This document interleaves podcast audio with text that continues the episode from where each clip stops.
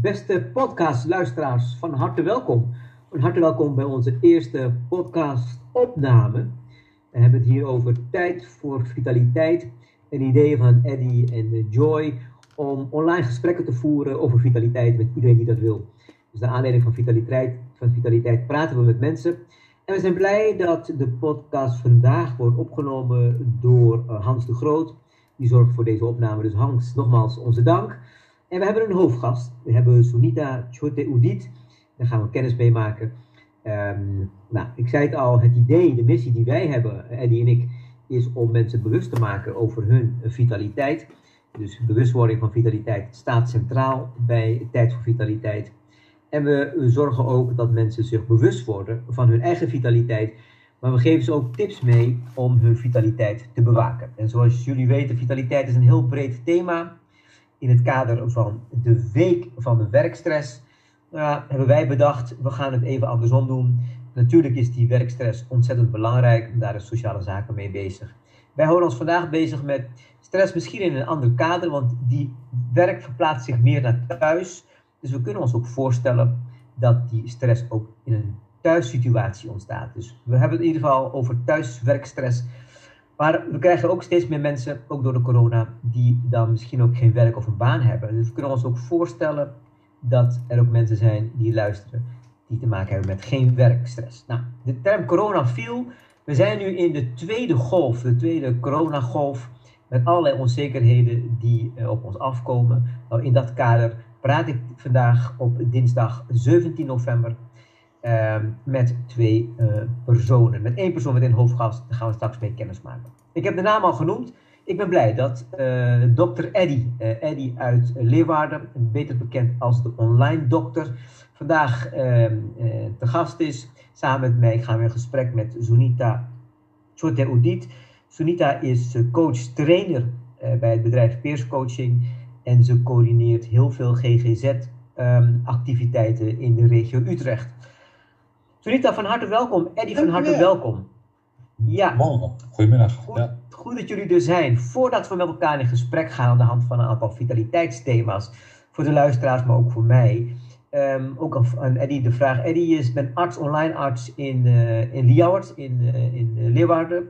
Um, ja, hoe komt het dat je zo in die doktersjas terecht bent gekomen? Nou, Joy, dat is een lang verhaal. Uh, dat is ook alweer een hele tijd geleden dat ik daarvoor gekozen heb. Maar dat was mijn...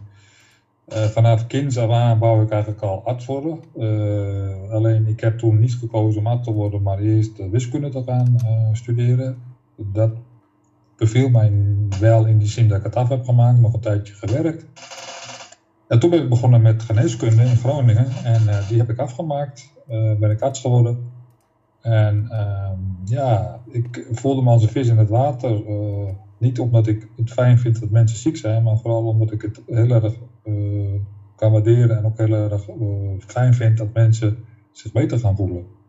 En dan heb ik het nog niet eens over genezen, want dat is mhm. natuurlijk wel soms een brug te ver.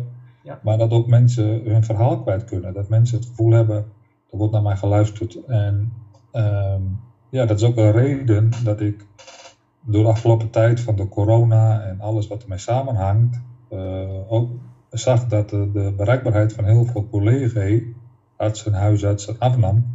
Mm. En mensen dus uh, thuis bleven uit angst voor de corona thuis bleven, omdat ze bang waren dat ze ziek werden.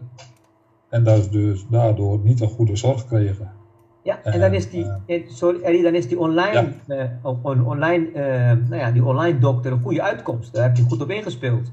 Ja, precies. Nou ja, wat ik wil, is, wat ik wil, wat ik ambieer, is dat mensen het gevoel hebben dat er naar geluisterd wordt. Want vaak is een luisterend door al de helft van het probleem.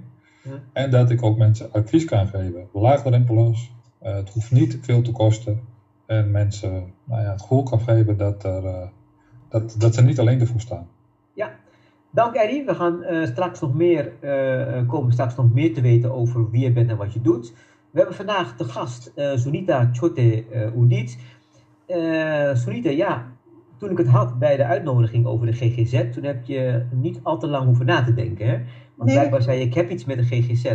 Wat maakt die, die, de relatie die je met GGZ hebt? Wil je daar iets over vertellen? Ja, ik, ik weet van mezelf dat ik jarenlang depressief ben geweest. En dus vanuit mijn ervaringsdeskundigheid ook ben gaan ondernemen. En het thema stress, werkstress heb ik ook ervaren in mijn werk. En ehm, dat heeft ook bij mij uh, doen het roer omgooien naar zelfstandigheid als ondernemer in plaats van weer in loondienst te gaan. Mhm. En, maar dat is puur vanuit mijn eigen depressie-achtergrond. ja, dat, dus we, hebben hier, we hebben hier te maken met een ervaring van GZ. Dan heb je die persoonlijke ervaring. En ja. Uh, nou ja, door die ervaring heb je ervoor gekozen om ook daarvan je beroep te maken. Dus je helpt ook mensen met uh, geestelijke ge uh, gezondheidsproblematiek. Precies. Goed, we gaan van start. Ik zei het al bij de aankondiging, het, is, nu, het is nu 17 november de week van de werkstress. Nou, die is gisteren gestart vanuit sociale zaken en ehm, nou ja, vanuit ambtenarij. In hoeverre zijn jullie bekend met de week van de werkstress? Sunita, is dat voor jou een bekend bekend weekthema? Uh, nee, ik heb uh, werkstress. Uh, als ik kijk naar in het werkveld, dan is dit niet een thema waar we continu mee bezig zijn. Ja. het zijn meer thema's eenzaamheid, armoede en dat soort thema's. Maar dat heeft puur te maken met het werkveld waar ik um, werk. dus eh, het is wel, eh, het is minder bekend. Ja, ja. Nou ja, goed. Eh, prima dan dat we met elkaar erover hebben. Want het is toch vanuit het ministerie van Sociale Zaken bedacht, een paar jaar geleden, ja. om meer aandacht te vragen voor het thema werkstress op de werkplek. En dus het met name gericht op beleidsmakers en werkgevers om daar ja, te zorgen voor een, voor een wat meer werkgeluk. Dat vind ik een veel betere term die past. En uh, Eddie, in hoeverre ben jij bekend met uh, nou ja, uh, het fenomeen week van de werkstress? Hm, ik was er niet mee bekend. Ik, mede omdat wij dus hierover na gingen denken, vitaliteit. En het dus ook nog toeval, maar toeval bestaat niet, bleek dat het de week van de werkstress is. Ja. is het natuurlijk een fantastische manier om, om stress aan zich te behandelen en nog nader op in te gaan. En verder was ik er niet mee bekend. En ik heb zelf, ervaar ik niet zo heel veel stress in mijn leven. Maar goed, dat mm. is, heeft te maken met dat ik mijn eigen uh, mentale coach uh, kan zijn. Ja. Nou, het bijzondere is ook dat uh, gisteren bij de opening van de Week van de Werkstress het thema mentale vitaliteit als een soort campagne is, is, ja. is, is, is gestart. Dus het is nu officieel het thema van deze werkstress van 2020 is um, nou ja, mentale vitaliteit. En daar gaan we het vandaag over hebben. We hebben gekozen voor stress. Um, ja, um, als ik aan de arts vraag, uh, dokter Eddy, wat is, als je kijkt naar wat stress met het lichaam doet, wat gebeurt er eigenlijk bij stress en wanneer praten we over stress? Nou, stress betekent eigenlijk, komt uit de bouw, hè? dat betekent, uh, dat, eigenlijk is het een woord uit het Latijn, komt van stringere. En betekent samenknijpen of samenpersen. Mm. En uh, het ontstaat, stress betekent dat als iemand langdurig onder verhoogde druk staat. Het is spanning of druk. Ja. Wat gebeurt er in het lichaam? In het lichaam komen dan uh, stresshormonen vrij. Stresshormonen hebben mensen wel eens van gehoord. Het is de bekende adrenaline, de cortisol. En dat is op zichzelf is dat een prima uh, reactie van het lichaam op een stressvolle, angst, beangstigende of een gevaarlijke situatie. Duurt dat te lang, dan kan je lichaam niet meer afreageren. Dan kan je lichaam niet meer vanuit de hoogste versnelling naar de lagere versnelling. En dan blijf je dus uh, verhoogd hartslag houden. Je blijft uh, erg alert op problemen. Slaapproblemen ontstaan. Uh, je krijgt geen hongergevoel meer. Dat is wel een voordeel soms, maar mensen gaan afvallen. Dus het heeft twee, het, het mes snijdt aan twee kanten. Het is aan de ene kant is het een, een een bruikbare fysiologische reactie, stress. Want het zorgt er ook voor dat je alert bent, dat je kan wegrennen als er een beer achter je mhm. aankomt. Aan de andere kant schiet het door en dan noemen we het stress, waardoor je ziek kan worden, burn-out, stress, et cetera, et cetera. Als het dus met name gaat, Eddie, om, om die langdurige stress, dan heeft dat een negatieve impact op je hele ja. lichamelijk systeem. Ja. En Sunita, die, die stress die kan op een gegeven moment ervoor uh, zorgen dat mensen in een burn-out terechtkomen of, of dat ze dan depressief worden. Um, op welk, hoe heb je het in de gaten? Want je hebt het zelf ervaren dat zo'n stress om kan slaan in, in depressiviteit of in, uh, of ja, een burn-out. Ja, en uh, stress is, uh, is, hoeft niet per se alleen de enige oorzaak te zijn. Hè? Mm Er kunnen meerdere oorzaken zijn die kunnen leiden tot een mentale aandoening. En ehm, dus het, uh, wat er dan gebeurt, uh, wat Eddie zei over hè, de lichaam, lichamelijke symptomen. Ja. En uh, wat er in het hoofd gebeurt, is dan dat je jezelf gewoon niet meer waard vindt of een laag zelfbeeld krijgt. Ik heb in mijn werk, bij, toen ik in de, bij een werkgever zat, had ik of te veel hooi op mijn vork of juist weer te weinig. En of dat je op zoek bent naar erkenning, waardering. Uh, voor het werk wat je doet. En dus dat, dat doet het mentale uh, met je. En, en natuurlijk ook de hormonen die dan, of sorry, de, ja, de hormonen die vrijkomen. En alles bij elkaar kan ervoor zorgen dat dan zeg maar de rek uit is en dat er dan hè, dat elastiekje knapt. Ja, het is goed dat je zegt er zijn, er zijn uh, nou ja, meerdere oorzaken of die stress kan zich kanaliseren in verschillende klachten richting het lichaam. Um, dus het is goed om ons daarvan bewust te zijn. Er wordt heel veel ook gedaan aan zelfhulp. Hè? Dus je mensen ervaren stress en gaan dan zelf aan de slag. Um, um, welke ervaring heb jij met, met uh, nou, zelfhulp om die stress onder de knie te krijgen? Uh, ik heb uh, uh, met zelfhulp boeken lezen over mm -hmm. thema's, trainingen gevolgd, maar ja. ook meditatie is voor mij een belangrijk onderdeel in mijn dagelijks leven, waar ja. ik mezelf, waarmee ik mezelf kan ontstressen, maar ook heel goed contact maak met mijn eigen ik. Ja. Dus uh, meditatie is mijn belangrijkste uh, tool geworden om te ontstressen. Ja, dus je, dus je, kunt, je komt met zelfhulpprogramma's, precies zoals jij die beschrijft, dan kom je ja. een eind. Maar ik kan me voorstellen, Eddie, dat je op een gegeven moment met die zelfhulpprogramma's niet komt. Dat is natuurlijk de professionele hulp. Dan ga je naar je huisdokter. Wat gebeurt er dan in dat traject, Eddie? Ik heb natuurlijk stress en ik kom er met een zelfhulpprogramma's of met coach kom ik er niet uit. Hoe gaat de arts daarmee om? Nou, er is bij heel veel huisartsen en ook bij heel veel um, andere werkende artsen in alternatieve geneeskunde of de, de aanvullende complementaire geneeskunde, is er wel bekendheid met dit fenomeen. Hmm. En uh, wat er vaak gebeurt is dat mensen dan uh, worden ze inge wordt gekeken wat er aan de hand is. Is het een burn-out? Is het een depressie? Is, zijn het uh, pure angstklachten die mensen beheersen? Want ja, stress kan natuurlijk op allerlei manieren zich uiten. Mm uh, depressie is wel een hele ernstige uiting ervan, want een echte depressie is, om het maar het, uh, in de woorden te zeggen van een hele goede psychiater in Nederland, professor Kaan, is een ernstige hersenziekte. Mm dat, is niet een, dat is niet zomaar even een gevoel van ik ben een beetje depri. Dat moet worden behandeld. Een echte depressie moet je behandelen, want het lichaam is niet alleen geestelijk ziek, maar het is ook lichamelijk gaat het ziek worden.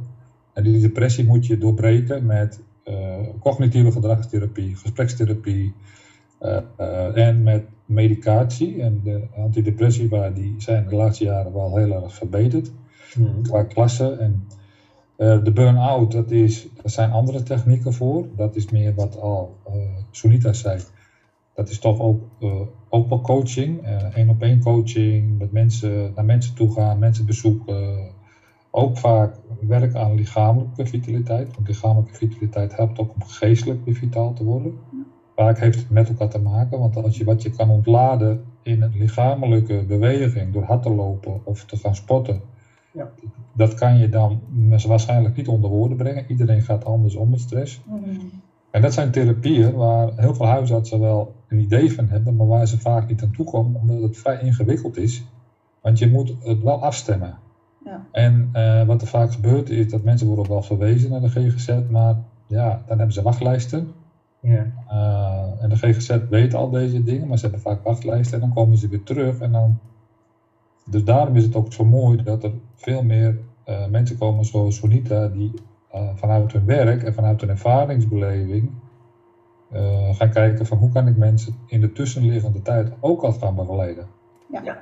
En luisteren, oh, dat luisterend ja. oor is heel belangrijk, ja. ja. Ja, helemaal gelijk. Dat een luisterend oor, ook bij die huisarts in die, in die, in die wachtkamer of in die, in die kamer van, de, van die huisdokter heel erg belangrijk is. Ja. Maar je snijdt toch een heel belangrijk onder, onderwerp aan, terwijl je uh, in, ja, aan het vertellen was over hoe die huisarts, hoe die arts omgaat met stress, althans mensen met stressklachten.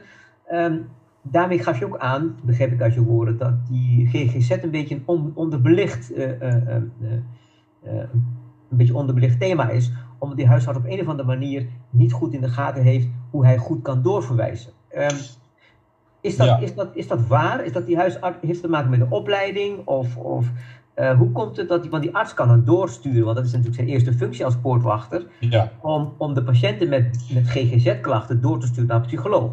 ja. Dat is de eerste Nou, stap. Wat er vaak gebeurt is dat in heel veel huisartspraktijken werken POH's, praktijkondersteuners, uh, huisarts, GGZ. Die mensen zijn vaak gedetacheerd vanuit de GGZ, of dat zijn mensen die hebben allerlei aanvullende uh, opleidingen gedaan. Die Ja. kunnen ook heel veel al uh, voorselecteren, want niet iedereen hoeft meteen naar de psycholoog, dat hoeft niet. Maar omdat het zo'n enorm exploderend probleem is in Nederland, omdat er uh, want je zou bijna zeggen, nou ja, iedereen heeft wel eens stress, maar het is niet alleen stress. Zoals ik al zei, het zijn ook depressies en angstklachten die Ja. eruit voortkomen en, en zelfs tot zelfmoordgedachten. Uh, en daar nog de lichamelijke problematiek erbij van de chronische vermoeidheid, uh, de fibromyalgie, al die dingen meer. Dus huisartsen die worden overstroomd en overladen met, met een diversiteit aan, aan aan stressklachten waar ze gewoon eigenlijk niet tegen vechten kunnen. Het is vechten tegen de bierkaai. En een GGZ die is heel beperkt, want die kan niet overal mensen inzetten. Want uh, ja, dat zijn we afhankelijk van de geldstromen van de overheid. Als je dan kijkt naar, naar, de, naar de behandeling, uh, Eddie, dan heeft het vaak over praten en pillen. Hè? Dus om pillen Ja. en praten. Um, Sunita, je hebt dit aan de lijve ondervonden, die combinatie van praten en, en, uh, en pillen voorschrijven. Um, Ja. Hoe was dat traject van praten en pillen? Nou, eh, um, ik ben, eh, eh, ik heb een suïcidepoging gedaan en dat was voor mij het keerpunt om hulp te gaan vragen. Mhm. En daar begint het mee, hè? hulp vragen, hulp durven vragen. En ehm, ik heb in een periode van een aantal jaren heb ik dus eh, inderdaad de cognitieve gedragstherapie. ehm, eh, ik heb één keer een medicatie gehad, eh, maar dat was puur omdat ik in een zware hyperventilatie terecht kwam en niet eruit kon komen. En, maar voor de rest heb ik met heel veel ondersteuning van therapieën, dus hypnotherapie, regressietherapie, eh, al die therapieën, maar daarnaast het zelfhulp en eh, eh, educatie, ben ik eigenlijk, heb ik mijn weg gevonden en heb ik ook durven te kijken naar waarom ik stress ervaarde en wat maakte dat, eh, dat, het, dat het in mijn lijf, in mijn hoofd zo werkte. En eh, door dat helder te krijgen eh, eh, en ehm, eh, ervaringen die ik had ook een plek te geven, dus te verwerken en anders met oh, toekomstige ervaringen om te gaan, ja, ben ik eigenlijk, kan ik zeggen dat ik gewoon geen stress heb, eh, behalve de gezonde stress om alert te blijven en zo. En, eh, en kan ik het heel goed reguleren voor mezelf. Ja, je beschrijft, een, je beschrijft een persoonlijk proces dat je gemaakt hebt door te kijken naar de oorzaken. Ja. En vanuit die oorzaken te kijken naar een, naar een, nou ja, een mindset, een systeem, Ja. waarbij je jezelf weerbaar hebt gemaakt voor ongezonde stress. Dat is wat je, wat je dus, Dat, eh, eh, ja. hebt toegepast voor jezelf. Ik wilde nog even kijken, want die stress heeft natuurlijk uh, logischerwijs impact op de persoon zelf.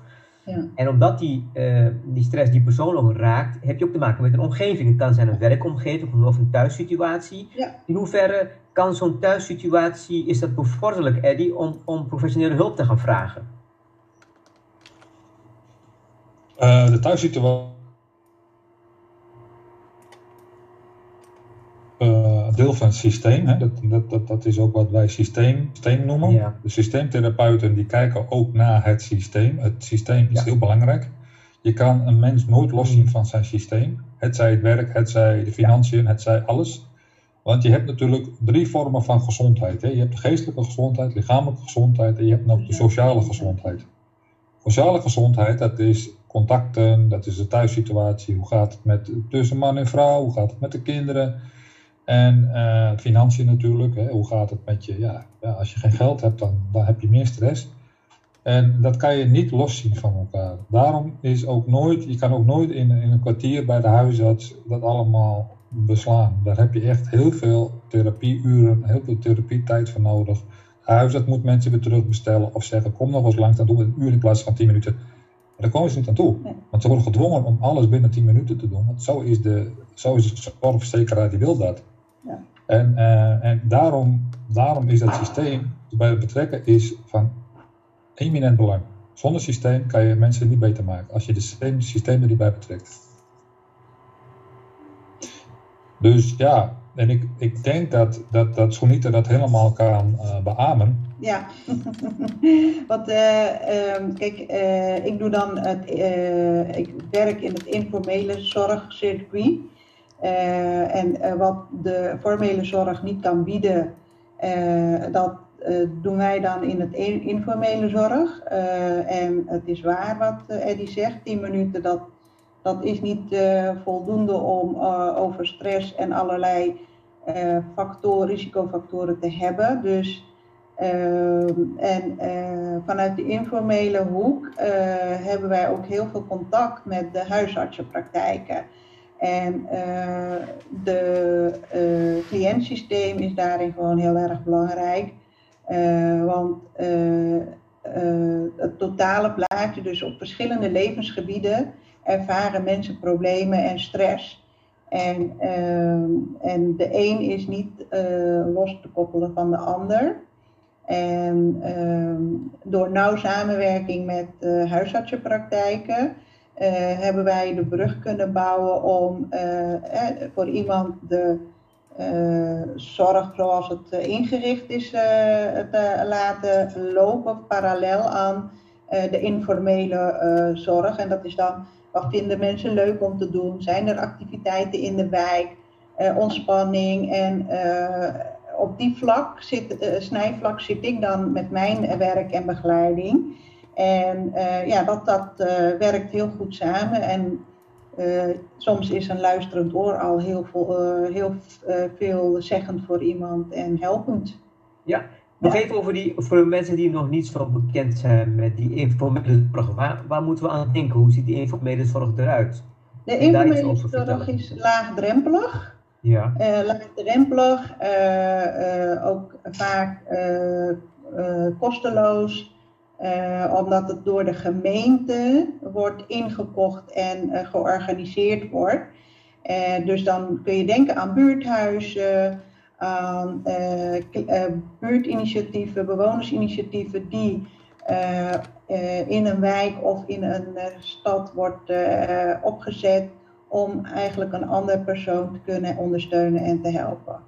Ja. En, eh, mensen worden dan ook eh, door het wijkteam of eh, een, een sociaal team worden ook mensen in verbinding gebracht. Dus iemand zoekt bijvoorbeeld een kaartgroep om te ontspannen, dan wordt zo iemand in verbinding gebracht met de kaartgroep bij hun in de wijk of in de buurt.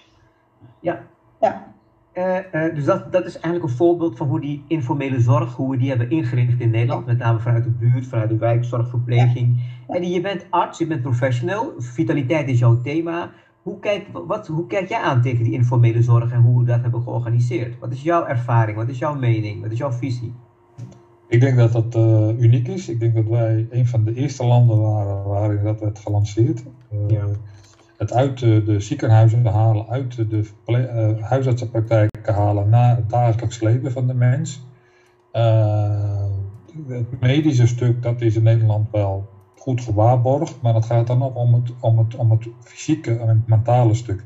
Kijk, als mensen, uh, net wat Sunita zegt, als mensen in, in, een, in een buurthuis komen en die krijgen daar een taak en die komen met andere mensen in aanraking, het is ook zoiets van uh, gedeelde smat is halve smat. Je komt altijd mensen tegen die niet misschien hetzelfde verhaal vertellen, maar wel iets wat erop lijkt. Ja. En dat is ook therapie. Als je thuis alleen zit in je huis en je hebt geen werk en je bent uh, blut en je, hebt, uh, je huwelijk is naar de, naar de Filistijnen, dan wordt alles duizend keer erger, want dan komen de muren op je af. Ga je naar buiten toe, ga je, eh, vooral als het, ja, als het weer wat, als je wat onder de mensen komt, uh, dan ga je de dingen anders zien. Mm. En dat is wel iets wat men ook weet. Je kan erover praten, maar je kan het ook nog doen. Mm -hmm. En praten en doen, zijn twee dingen en die moet je beide gewoon uh, moet je aanvliegen. Ja, en, en dan heb je het heel mooi, Eddie, over zeg maar, de verantwoordelijkheid binnen het sociaal domein. Hè? Want dat is eigenlijk ja. die hele informele zorg van uh, hoe, hoe, hoe, zeg maar, hoe beter je het sociaal domein hebt georganiseerd, hoe uh, laagdrempeliger je bij elkaar terecht kunt voor ja. eventuele pijn en problemen en klachten. In, ja. in, dat kader geeft Sunita ook een mental health first, first aid trainingen. Mm -hmm. En Sunita, uh, dat zijn op zich dat is een hele mond vol, hè? mental health first aid. Um, wat is het doel van die training en wie kunnen ze allemaal voor zorgen? Nou, de, het doel van de training is om zoveel mogelijk mensen uh, bewust te maken van uh, uh, eerste hulp bij het aanbieden van eerste hulp bij psychische aandoeningen. Mm-hmm. En um, welke psychische aandoeningen wij in Nederland als grote ziektelast hebben. En dat, zijn, dat is depressie, angststoornissen. en hoe, hoe dat op de kosten van de GGZ drukt. En, uh, maar ook omdat er veel meer mensen uit de GGZ gewoon uh, naast je deur kunnen wonen. Ja. Uh, de buurman of de buurvrouw kan zijn. En als je niet Dat weet hoe om te gaan, dan wordt die angst alleen maar groter. Dus ja. met, het, met het programma, wat heel laagdrempelig ingekocht is door Nederland om zoveel mogelijk mensen uh, bewust te maken van hun eigen oordelen, van hun eigen uh, uh, kwaliteiten, maar ook dat heel veel stigma is op GGZ. En dat, en dat eigenlijk de diagnose of de etiket niet de belangrijkste is, maar de mens achter de diagnose. En hoe haal je die mens naar voren en uh, durf je en ga je het gesprek aan, zodat uh, dat gedeelde smart ook en, een, een, plek krijgt en dat iemand gezien en gehoord wordt en daardoor ook zijn netwerk kan uitbreiden. En, want ehm, herstellen is ook op sociaal en op, op sociaal niveau ook heel erg belangrijk. Dus uh, dat je een sociaal netwerk hebt, leuke dingen kunt doen, mensen hebt om je heen. Dus, en dat is wat MHFA het doel heeft voor ogen, maar ook om eerder signalen te herkennen, ja. het gesprek aan te gaan, zodat verergering van het mentale goed, ja.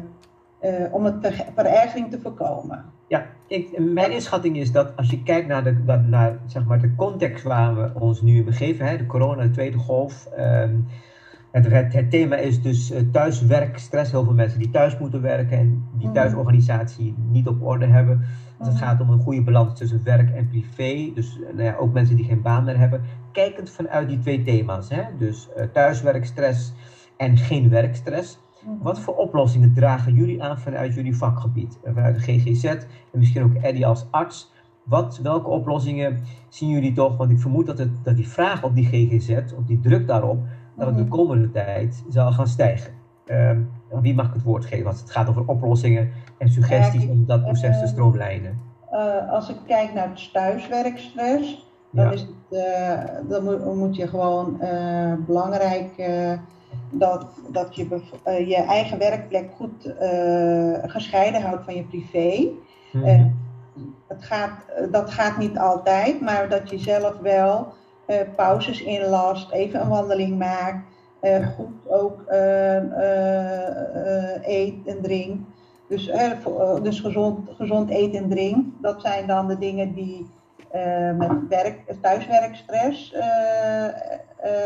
te maken kunnen hebben en oplossingen oplossend zijn. Of hmm. oplossingen kunnen zijn. Ja. En met een geen werkstress, uh, ja, dan dat is uh, uh, als iemand geen werk meer heeft, dan is het goed om te kijken van, want ja, of je komt via de, de WW-traject en dat je daar ondersteuning hebt van mensen die je daarin kunnen helpen op een laagdrempelige manier om te kijken van hoe je een cv kunt opmaken, een brief kunt schrijven. Dus heel, heel, heel praktisch bij de persoon zelf houden. Ja. En ja, mogelijk aanbod van vrijwilligerswerk kijken.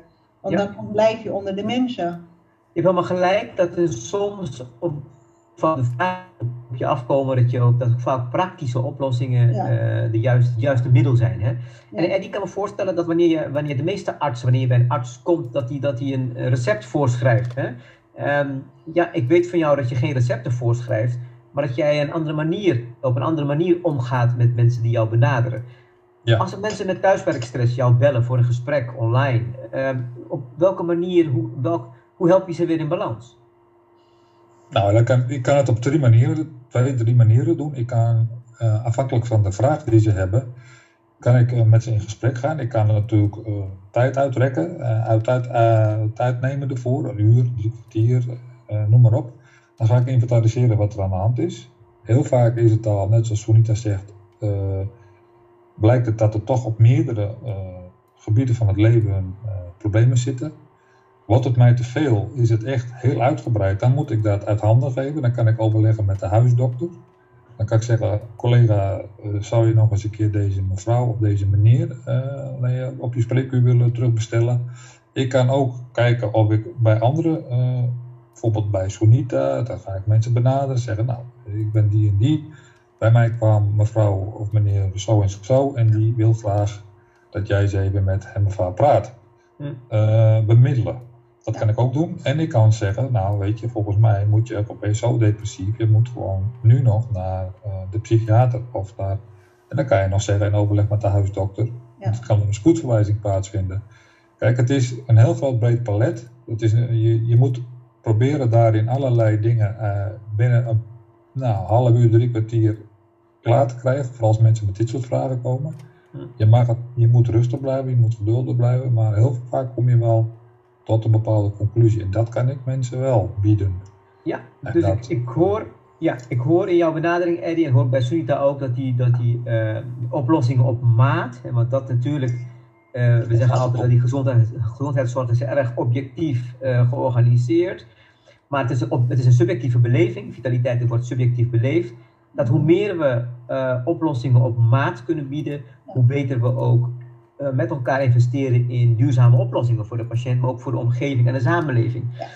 Dank. Uh, nou ja, de tijd is voorbij gevlogen. Het lijkt erop um, alsof we nog heel, we kunnen nog zeker een uur vullen door met elkaar in gesprek te gaan, te zijn over dit thema. Um, we zijn bijna aan het einde gekomen. Ik wil jullie gaan bedanken voor jullie, nou ja, jullie openheid, jullie openhartigheid. Uh, jullie, jullie ontspannen uh, manier van kijken naar het thema stress en jullie praktische oplossingen die je hebben aangedragen. Uh, dank voor jullie aanwezigheid. Ik kan me voorstellen dat voordat we uh, afscheid nemen, dat jullie nog vanuit jullie vakgebied een, een tip of een boodschap meegeven in het kader van de Week van de Stress. Ook interessant voor de luisteraars om ook na het gesprek misschien jullie in contact te komen of het een en ander nog uit te zoeken of op te zoeken. Dus ik wil Eddie, uh, Eddie de Jong, arts, online arts, dank zeggen voor zijn medewerking. En aan Eddie straks horen van jou jouw boodschap uh, in het kader van de Week van de Stress. En ook Sunita Chote, hartelijk bedankt voor de medewerking. Fijn dat je vandaag onze gast was tijdens onze eerste uh, Tijd voor Vitaliteit. Dus heel erg gewaardeerd. En fijn dat je direct ja hebt gezegd. Dus dat uh, stellen we zeer zeker op prijs. Om ja. bij Eddie te beginnen, en dan eindigen we met onze hoofdgast. Eddie, een boodschap voor de luisteraars. Die hebben meegeluisterd en die zeggen: Ja, ik heb het gevolgd. Maar hoe nu verder? Ik ervaar klachten of ik ken iemand met klachten of ik wil er meer over weten. Ehm, ik wil preventief aan de slag met mijn, uh, met mijn uh, mental health, met mijn mentale vitaliteit. Welke boodschap geef jij ze mee? Uh, voor mensen die nog geen stress hebben en die graag de mentale vitaliteit willen uh, verbeteren, zorg ervoor dat je elke dag minimaal een half uur tot drie kwartier volledige rust om je heen hebt. Geen uh, mobiele telefoon, geen computer, geen, ge, geen gedoe van andere mensen. Dat je ook helemaal kan concentreren op jezelf. Het zij door, wat uh, Sunita zei, door meditatie, het zij door andere dingen. Sommige mensen die gaan bidden. Maar zorg ervoor dat je even helemaal loskomt van deze waan van de dag. De waan van de dag, die maakt ons allemaal uh, tot zijn slaaf of probeert ons tot zijn slaaf te maken. En dat is niet nodig. Dus probeer dat in ieder geval te doen. Dat, is, dat, noemen, wij, dat noem ik altijd zelf de geestelijke hygiëne. Je gaat ook dagelijks onder de douche. Ga dan ook dagelijks even onder de douche van de geestelijke kraan. Ja, mooi gezegd Eddie, de geestelijke hygiëne. Nou, als men er meer over wil weten, kunnen ze met jou in contact. De online ja. dokter Eddie de Jong. Eddie, dankjewel voor die boodschap. Die nemen we zeker mee. Ook aandacht voor de geestelijke hygiëne. Dat is het woord, het, af, het laatste woord aan onze gast, Sunita Chote Udit. Ja, welke boodschap geef jij onze luisteraars mee? Ja, um, ik, uh, wat ik uh, heb gedaan en wat ik belangrijk vind is, kijk, je ervaart een klacht omdat je daar last van hebt en iets doet wat niet klopt met jezelf. En, en um, belangrijkste is van hoe leer jezelf aan hoe je van die klacht je kracht kunt maken. Het ombuigen naar kracht. Want uh, uh, het, net wat Eddie zei, de mentale of de geestelijke kraan, daaronder ook even jezelf wassen. Dat is hoe, om, hoe buig je je van klacht naar kracht en ehm, hoe maak je jezelf weerbaar.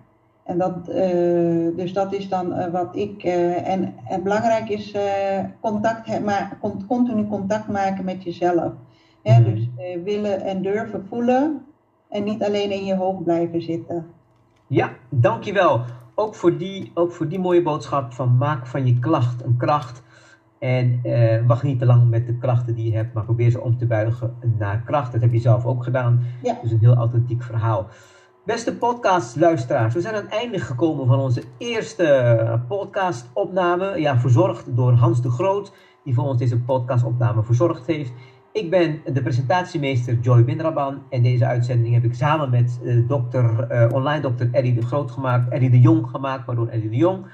Het is Hans de Groot en Eddie de Jong. En wij danken bij deze Sunita Chote, uh, die onze eerste gast was. De bedoeling is om iedere week een opname te maken over nou ja, vitaliteit, als het met vitaliteit te maken heeft. Dus we hopen volgende week weer een nieuwe uitzending te maken. Zijn er reacties naar aanleiding van deze podcast-uitzending? Voel je vrij om mij een bericht te sturen. Presentatiemeester Joy Windraban of Hans de Groot van, uh, om meer te weten over de opname. En je kan natuurlijk ook in contact komen met online dokter Eddie de Jong of met Sunita Chotip van Peers Coaching, die alles weet over de geestelijke gezondheidszorg. Dankjewel en graag tot een volgende keer.